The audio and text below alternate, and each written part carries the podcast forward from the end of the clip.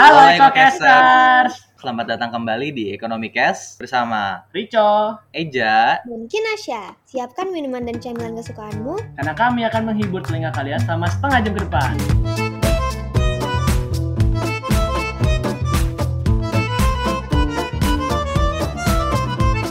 Halo Halo, Ekokasters. Selamat datang kembali di Ekonomi Cash, podcast nomor satu di alam, Alam semesta. Anjay. Ah.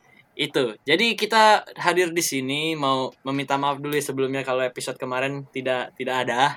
Iya, libur dulu kemarin kita libur. Iya, kita libur dulu kemarin. Melanjutkan topik malas kita ya. Episode kemarin kita ke bawah malasnya gitu. Malas? Nah, jadi any, jadi anyway, nah ini mungkin karena kita tag ini sebelum Lebaran ya dan ini Pasti bakal bakal diupload Lebaran.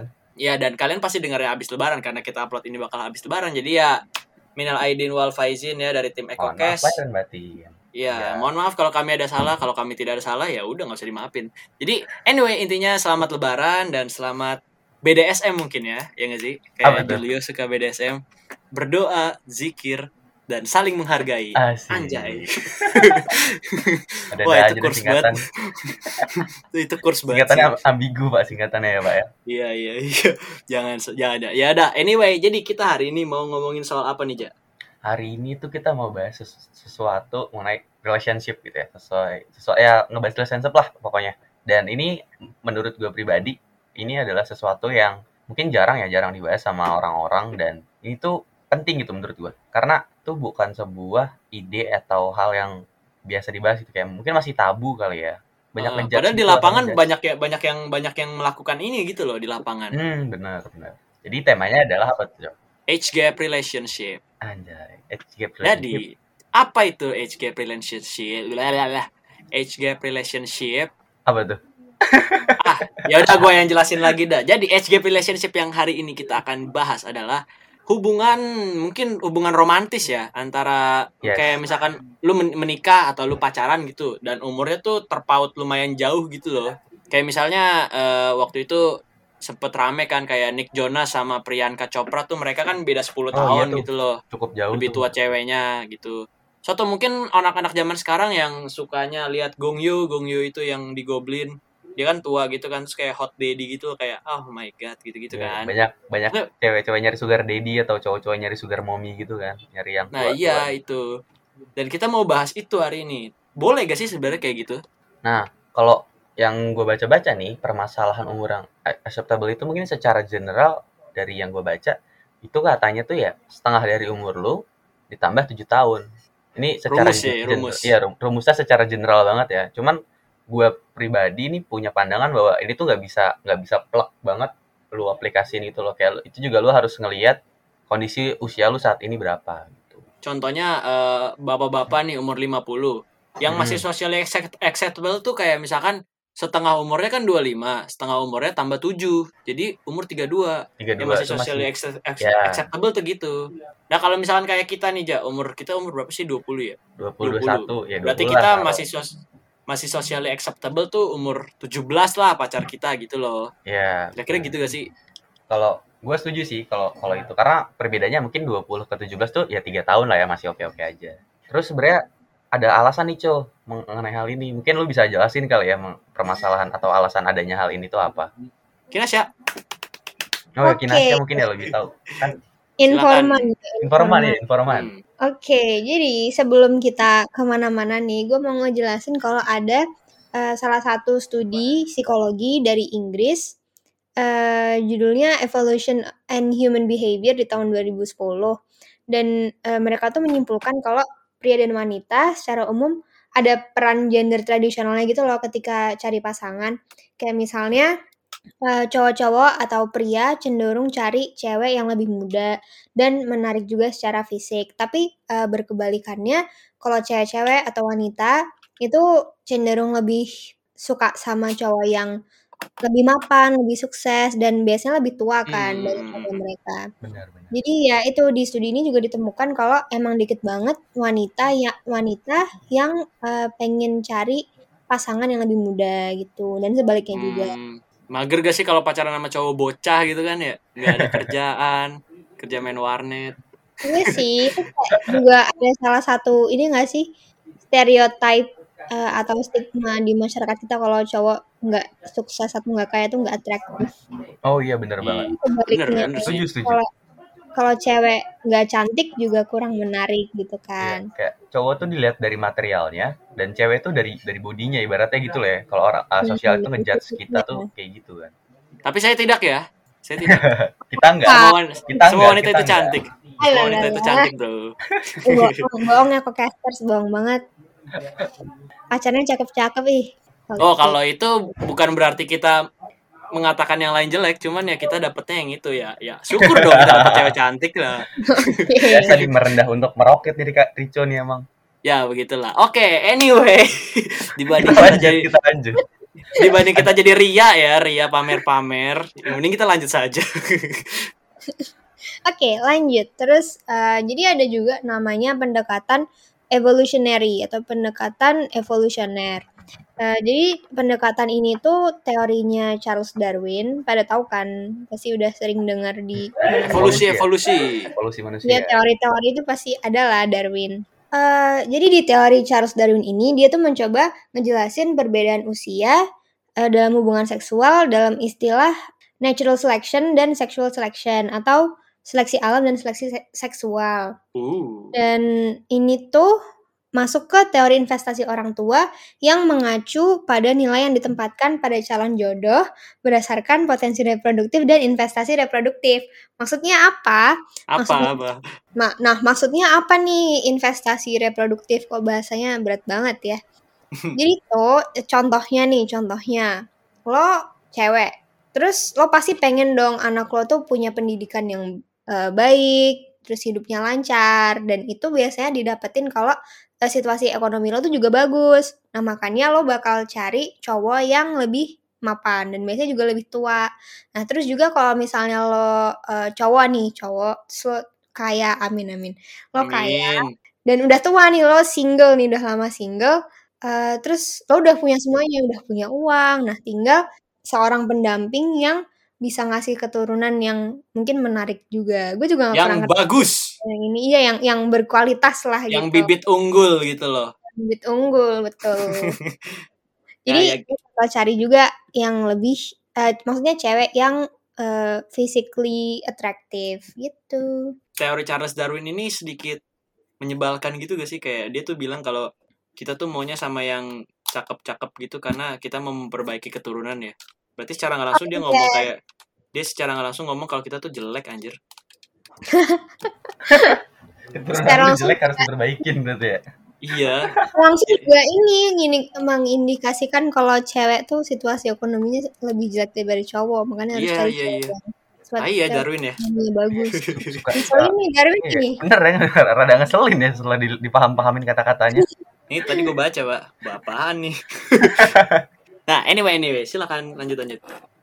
nah juga eh, age gap itu dipengaruhi mungkin ya sama yang namanya eh, lintas budaya maksudnya gimana jadi eh, ada orang namanya David Bass dia eh, meneliti perbedaan jenis kelamin dalam preferensi pasangan di 37 budaya dengan 10.047 peserta.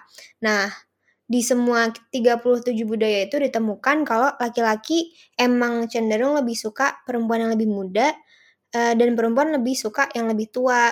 Dan eh, mungkin ini juga berpengaruh sama apa ya budaya sih. Sebenarnya iya budaya, tapi kalau menurut gue ini kayak bu- bukan budaya yang di satu negara doang sih kayak dari 37 mungkin 37 budaya kayak negara, negara kali yang dari datanya. Kayak secara general gitu sih menurut gue nih Iya sih. Kayaknya ini berlaku universal gitu. iya universal banget. Kalau kalau Menurut orang-orang ya emang emang manusia itu pengennya kayak gitu. Kalau cowok pengennya yang cakep gitu kan.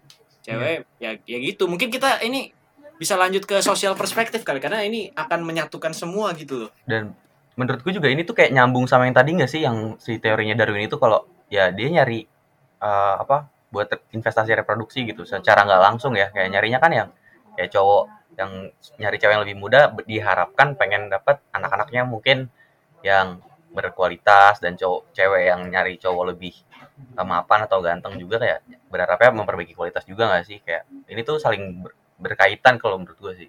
Hmm. Ya mungkin kalau gue ngasih contoh ini deh. Eee, kayaknya, eee, dulu, zaman dulu banget di Jawa, eee, buyut gua tuh beda 9 tahun. Jadi nenek gu nenek buyut gua itu muridnya kakek buyut gua. Buset. Nah Wadaw, Waduh. muridnya. jadi bedanya jauh banget kan umurnya. Tapi, wa waktu zaman segitu tuh malah orang-orang nggak ada yang mikir itu aneh. Justru beruntung, eee, nenek gua gara-gara dapet yang udah mapan, kayak gitu. Oh, iya Kan benar. di Hmm, budaya iya lain iya selain iya. budaya budaya Jawa juga banyak yang ber eee, pemikiran kayak gitu. Nah, Terus, terus terus. lanjut lanjut deh, Rico deh. Loh, Sosial sebentar, sebentar. Eh, ini juga salah satu dari teori asal-usul struktur sosial gitu loh. Jadi teorinya ini ngomong kalau misalkan orang tuh berpasangan, ini mem- mereka memberikan trade off gitu loh. Trade off atau equilibrium yang mereka bisa capai gitu dengan apa yang mereka bawa. Kayak misalkan eh, cewek tuh menukar kecantikannya atau cowok menukar kegantengannya nih dengan orang-orang yang lebih tua yang menukar kemampuan ekonomi atau kemapanannya gitu loh. Jadi seimbang mereka. Jadi gue punya ini, gue dapat ini, lu punya ini, gue dapat ini gitu loh. Emang anak ekonomi Jadi- banget ya. Demand supply Iya, ini ini sangat ini sangat ekonomi demand supply sekali nih. Demand Jadi supply sekali ini ya. iya, jadi akhirnya sistem perkawinan atau keluarga ya mungkin yang dianut masyarakat tuh sistem perkawinan yang didasarkan laki-lakinya sebagai pencari nafkah dan perempuannya sebagai ibu rumah tangga gitu. Mereka itu sistem perka- perkawinan dan kehidupan semacam ini itu sangat mendukung perbedaan usia dalam hubungan tersebut gitu loh. Karena ya yang lebih tua pasti cenderung udah punya Lebih duit lah. lah, Iya. udah mapan lah. Secara material udah matang. Iya, makanya orang-orang yang apa namanya kayak anak muda gitu kayak kita, kita mana ada duitnya, gitu kan? Iya benar. mana mau, mana mau nih? Ya lu logika aja lah nih, misalkan lu udah punya anak ya anak cewek, lu emang mau nikahin anak cewek lu sama orang kayak kita belum ada duit? Mana mau gua, gitu loh. Iya lah gue juga. Gue juga mikir-mikir lah. Ntar anak gue di, di, dihidupin pakai apa, makan pakai apa dia kan. Iya, emang makan cinta. cinta, Sepemikiran makan kita bro. cinta hidup enak banget. Nah mungkin sama yang terakhir tuh kita bakal refer ke yang awal lagi ya karena yang Iya. tadi half your age plus seven itu itu tuh socially acceptable gitu loh. Jadi orang-orang ya ya kayak yauds gak sih? Nah ini tapi yang jadi permasalahan nih. Kalau misalnya pacaran antar anak SMP gitu, itu kan di bawah umur ya dua-duanya. Maksudnya, Kalau antar SMP boleh, Cow. Kalau kalau menurut gue ini sih cowok masih aman. Maksudnya at least mereka berada pada jenjang atau pola pikir yang sama gitu sih. Karena dari perbedaan uh, usianya usia ini da- atau si SG dispersion ini yang berbahaya tuh ada kecenderungan grooming cowok. Mungkin teman-teman ekocaster udah nggak nggak terlalu ini kali ya sama kata-kata grooming. Maksudnya nggak nggak kaget-kaget banget atau udah udah pernah dengar lah satu dua kali. Dan permasalahan grooming ini jadi se- sesuatu yang cukup concern gitu. Terutama di child, child grooming ya. Kayak di Hmm. angka yang yang tulisan nih misalkan yang apa uh, half your x plus seven gitu. Kayak misalkan usia si ini 24 tambah 7 kan berapa tuh? 19 kan? Nah itu masih masih uh, oke kalau menurut gua ya enggak deh kalau 24 sama 19 menurut gua itu udah udah udah enggak karena kalau gua sendiri ngelihatnya buat orang yang di usia 20 tahun itu perbedaannya atau di awal 20 tahun 21 22 itu paling berbeda tuh ya 3 tahun gitu loh. Kalau udah lebih dari itu udah agak gimana ya kayak ngelihatnya wah ini ada sesuatu yang lu janggal. beda generasi gitu iya kan, itu lu beda generasi benar beda generasi kayak Jadi yang masih acceptable tuh yang masih generasinya sama gitu ya. Mm-mm, satu generasi gitu. Soalnya gini, bayangin aja nih, lu umur 21. Terus lu pacaran sama anak yang umurnya eh, 16, which is beda 5 tahun. Mungkin kelihatannya ya 5 tahun doang gitu kan. Tapi 5 tahun itu di anak SMA kelas 2 atau kelas 1 ya. Berapa sih? Eh berapa sih tadi gua ngomongnya 16 ya? 16 tahun tuh itu SMA awal kan ya. Kelas 1 kelas 2 gitu. Mm, mm, mm, Kayak, itu lu baru dari SMP gitu dari tempat lu bermain kan. Lu kan SMP ya main-main doang belajar dikit. Terus masuk SMA terus lu pacaran sama yang 21 tahun gitu. Mahasiswa tingkat 3 kayak udah udah mikirin skripsi udah siap-siap lulus udah udah mikirin kerja iya sih. tapi pacarannya sama anak yang baru mulai mikir gitu loh baru yang, yang belum punya. Sorry kalau misalkan gue kayak kelihatannya nganggap anak umur 16 tahun tuh Bocil. sama bocil gitu ya. Tapi secara general mungkin ya 16 tahun kan belum punya KTP dan secara Iya legal sih. Mereka belum dianggap seseorang yang punya uh, konsen kan. Nah ini lagi konsen Hmm. juga nih pak. Kan konsen kan dianggapnya kalau di Indonesia 19 tahun kan. 19 tahun dalam hubungan iya. kayak nikah 19 tahun gitu gitu nah ini tuh jadi kayak grooming pak. Kayak lu ah, udah deket sama dia terus berusaha ada berusaha ada. Mungkin terus dia ngakalin nih karena dia tahu ini nggak bakal diterima nih sama society atau gue dianggap pedofil atau apa nih. Karena dia umurnya 16 tahun dan gue umurnya 21 jadi dia nganggapnya kayak kakak adean doang kan kakak adik kakak adean lu tau lah ya adalah Iya, iya, term-term iya. yang dilakukan oleh orang-orang yang mencari celah-celah ini. Nah terus masih pengen nyari gitu Iya. ya udah pas di usia 19 tahun yang dianggap udah mulai normal nah si cowok ini nih yang umur tadi 21 itu sekarang berarti berapa tuh? 19 tambah 6 tambah 3 udah 24 kan nah. Itu dia baru pacarin kan. Padahal itu kan udah half your age plus 7 kan 12 tambah 7 19 mungkin udah aman gitu social acceptable. Tapi itu sebuah grooming cok. Karena dia ngedeketinnya tuh dari dia usianya belum punya konsen. Dan dia tuh Hmm. udah berusaha nge-build uh, romantisasi sebuah hubungan padahal si anak kecil ini awalnya ngelihatnya sebagai mungkin sebagai seorang kakak atau sebagai seorang senior gitu kan. Terus tapi karena Oh, beda persepsi berarti ya? Iya. Tapi karena terlalu didoktrin atau disering-seringin ngasih ngasih jajan ngasih makan selalu ada. Kalau dia curhat galau-galau ditemenin gitu-gitu. Terus lama-lama si cewek ini jadi suka kan. Nah itu grooming cowok dan Hmm. itu sesuatu yang berbahaya di, di child grooming itu. Nggak mungkin mungkin mungkin kalau mau disimpulin kayak grooming tuh eh lu tuh beda beda ini gitu loh. Kayak misalkan lu udah cukup Beda umur generasi. dan yang ini ya yang Ini nggak cukup cukup, umur. umur, gitu iya benar Cuman kalau misalkan kalau misalkan definisinya kayak lu membiasakan diri dia untuk cinta ya nggak nggak gitu gak sih kalau grooming? Karena kalau kayak gitu kita semua grooming dong.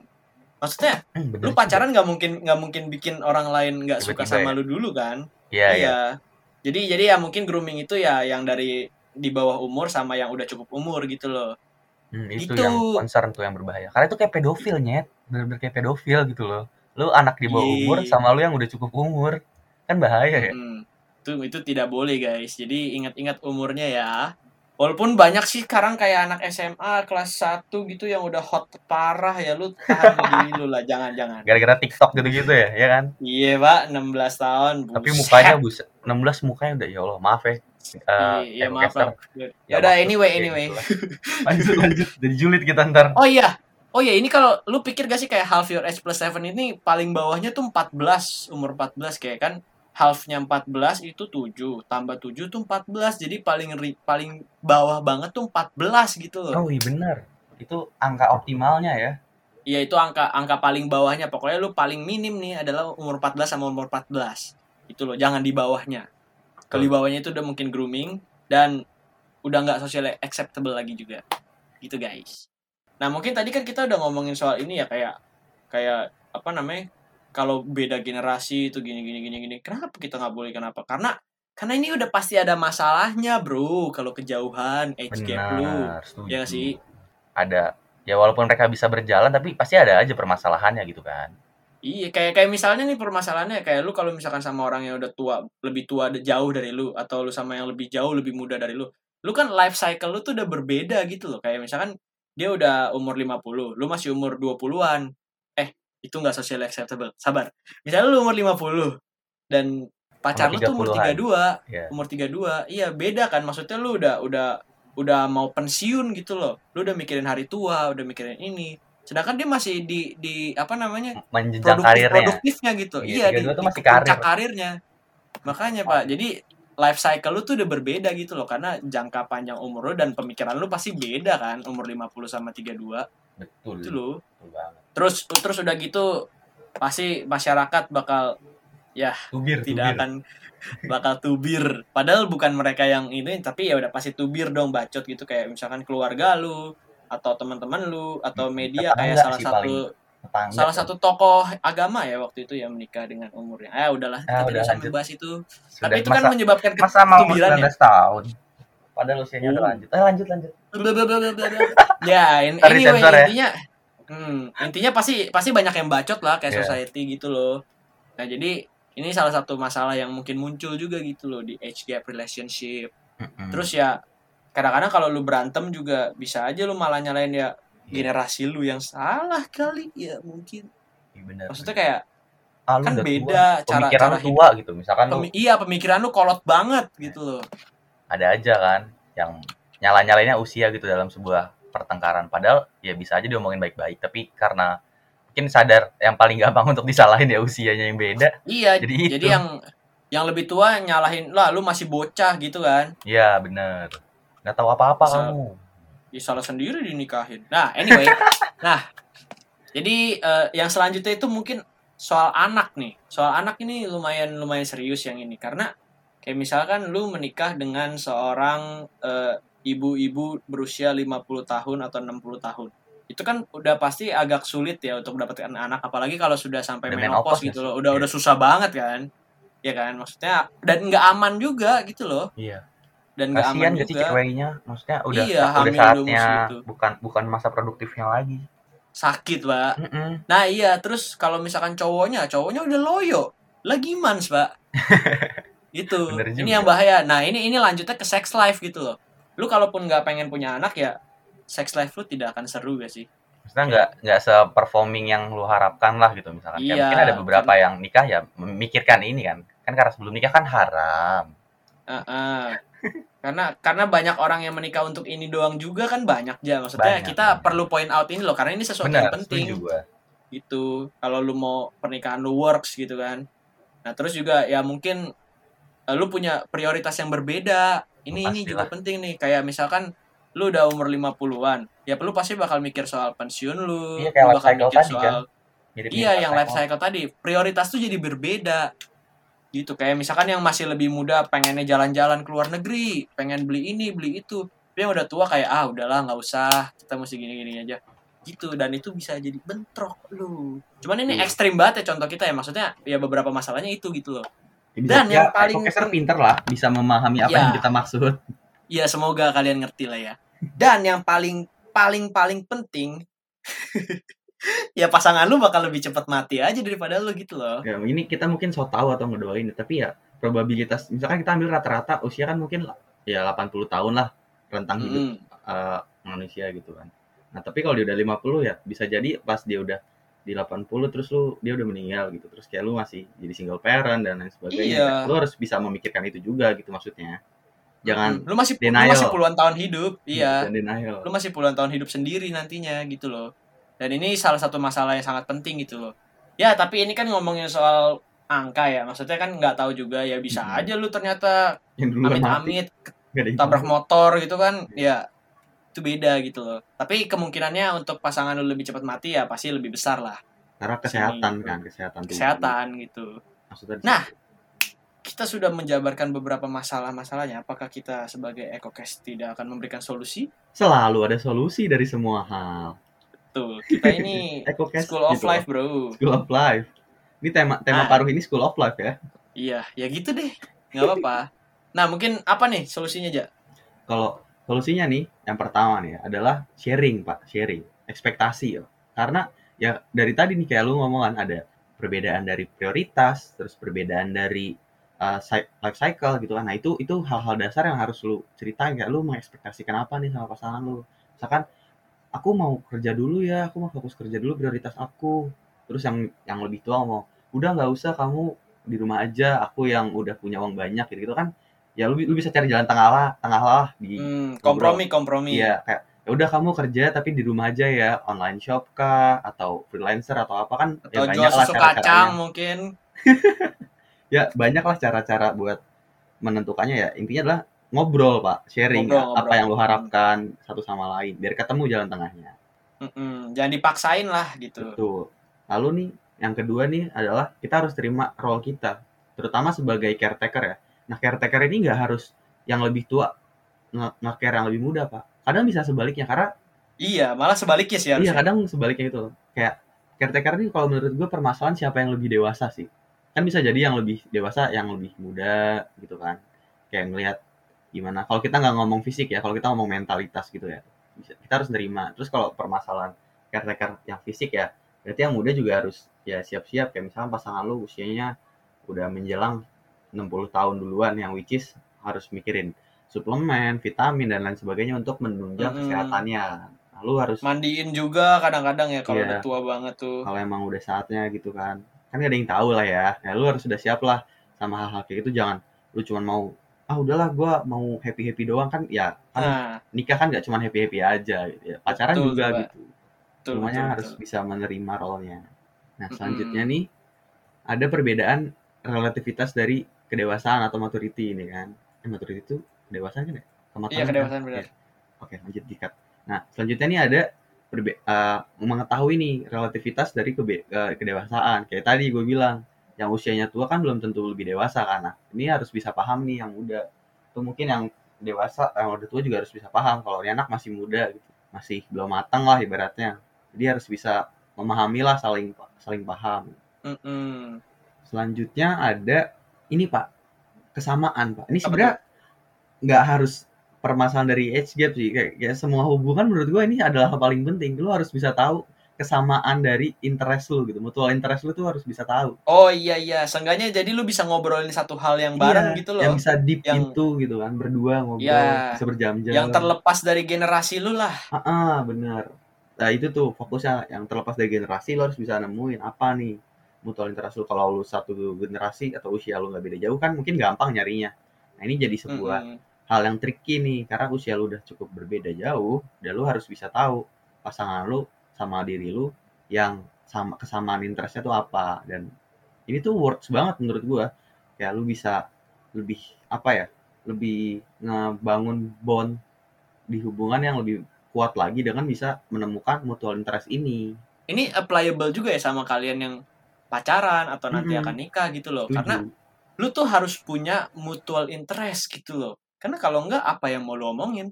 Kayak misalkan nih gua sama cewek gua ngomongin anime nyambung gitu loh. Dan gua gue suka musik metal dan dia nggak suka gitu. Ja- Jadi gua kan nggak akan ngomongin soal nggak akan gua omongin soal Hmm. musik, tapi gua akan ngomongin soal animenya itu karena kita sama-sama masuk gitu loh. masa lu Nah, maksain itu. pasangan lu yang nggak dia suka kan itu kan egois gitu lah ya Mm-mm, begitu pak. Terus Nah, terus.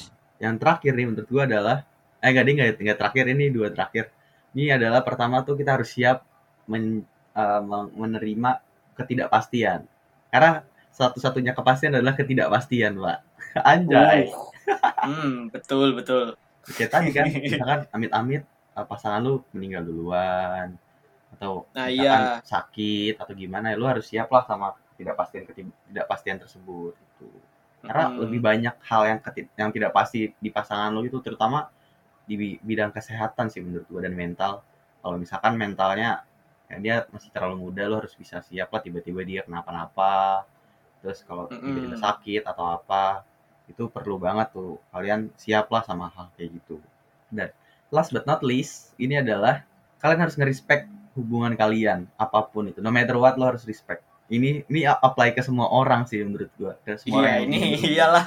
ini golden rules banget sih harus respect pasangan pasangan dan hubungan kalian ya biar itu works lah biar jalan tuh hubungan kalau enggak ya lu kalau lu nggak nge-respect pasangan lu lu berharap apa gitu loh lu bakal happy happy gitu ya enggak happynya cuman Mm-mm. surface doang jadinya cuman semu kan nggak bagus Karena hidup nggak nggak hanya tentang selangkangan bro. Wih, betul. It's much more deeper than that. Anjir. Anjay. Intinya gitu. Jadi hubungan itu harus kalian hargai. Nah, jadi kita dari tadi udah ngomongin hampir buset, kita recording 33 menit. Oke, Hmm. anyway.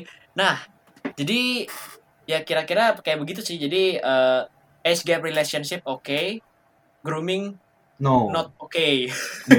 no no no Dan dan, dan ya se- walaupun ini oke, tapi menurut kita ya kalau bisa eh, yang sepantar lah minimal atau maksimal beda tiga tahun atau dua tahun ya supaya kalian tuh masih bisa banyak kesamaan gitu loh. Karena kalau udah lumayan jauh ya rada ribet sih. Cuman kalau kalian bisa mengovercome itu semua dan masalah-masalah yang kayak mungkin misalnya kita ya tadi ngomongin, ya itu nggak masalah banget gitu loh.